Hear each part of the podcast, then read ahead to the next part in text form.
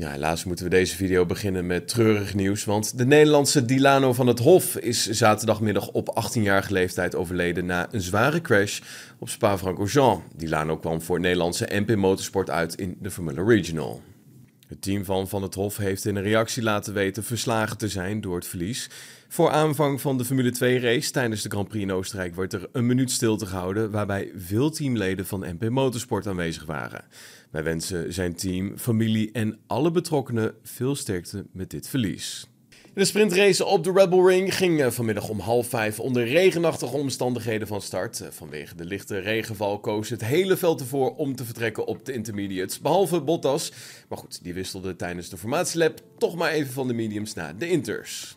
Bij het uitgaan van de rode lampen opende Perez direct de aanval op Verstappen. De twee gingen met de nodige elleboogwerk door de eerste paar bochten, maar uiteindelijk trok de Nederlander aan het langste eind. Het duwde me van de baan, liet Verstappen weten. Perez zei dan weer, wat is er mis met Max? Nou goed, Nico Hulkenberg die profiteerde van het gevecht voor zijn neus door de tweede plaats van Perez over te nemen.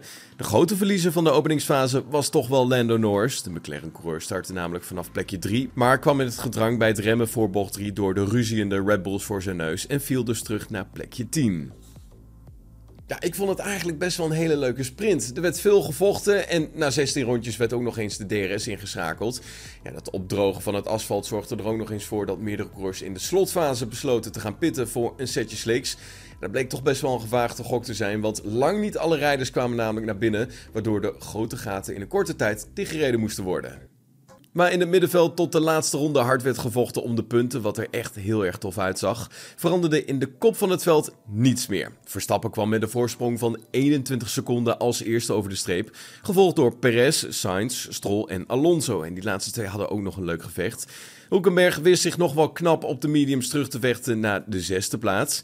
En Nick de Vries, ja, die kwam niet verder dan de achttiende plek met alleen Valtteri Bottas en Joe Guan Yu daarachter. Na afloop van de sprintrace gingen de twee Red Bull-coureurs het gesprek met elkaar aan, waarna Verstappen toch wel kalm voor de camera verscheen. Ik had natuurlijk geen goede start. Ik had heel veel wheelspin op de een of andere manier toen ik de koppeling losliet. En ja, dan verwacht je dat iemand aan probeert te vallen en dat is natuurlijk allemaal prima. Daarna positioneerde ik me natuurlijk goed na het uitkomen van de eerste bocht. Dan heb je de run naar bocht 3. Vervolgens is er geen autoruimte meer en moet ik vol over het gas.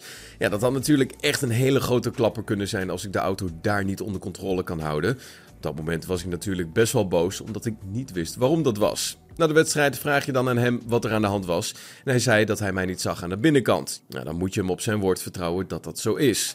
Stappen geeft toe bij zijn moment met Perez ook aan de fatale crash van Van het Hof in België gedacht te hebben. Op dat moment was ik boos. Natuurlijk, want als je spint terwijl je ziet wat er nog aankomt. Ja, we weten wat er vandaag is gebeurd. Dan is het zeker niet oké. Maar ja, je moet hem op zijn woord vertrouwen natuurlijk. Al dus Max Verstappen tegenover Viaplay. Ja, en ook Perez liet van zich horen na die tijd. Hij zei: Ik zag hem daar niet. Ik had een slechte eerste bocht, dus ik probeerde het te beschermen. Toen ik doorhad dat hij er zat, opende ik de deur en gaf ik de plek terug richting bocht 2. Maar ja, het is allemaal goed. We hebben er net even over gepraat. Ja, hoewel Ferrari er goed bij zit dit weekend, was het vandaag niet een topdag voor Charles Leclerc. Hij eindigde namelijk op P12, maar voor zijn teamgenoot was het wel een goede dag. Misschien was het wel een van de beste dagen van dit seizoen voor uh, Carlos Sainz. Hij deed het goed tijdens de kwalificatie en ook nog een perfecte sprint voor hem vandaag. En dat moet hem ongetwijfeld een boost geven voor de race van morgen. Ja, na elke race vraag ik aan jullie hoeveel sterren geef je deze sprint? Dat kan van 1 tot en met 5 sterren. Mag je allemaal laten weten. En vergeet ons ook zeker niet te volgen op dit Spotify-account. Tot de volgende. Hoi.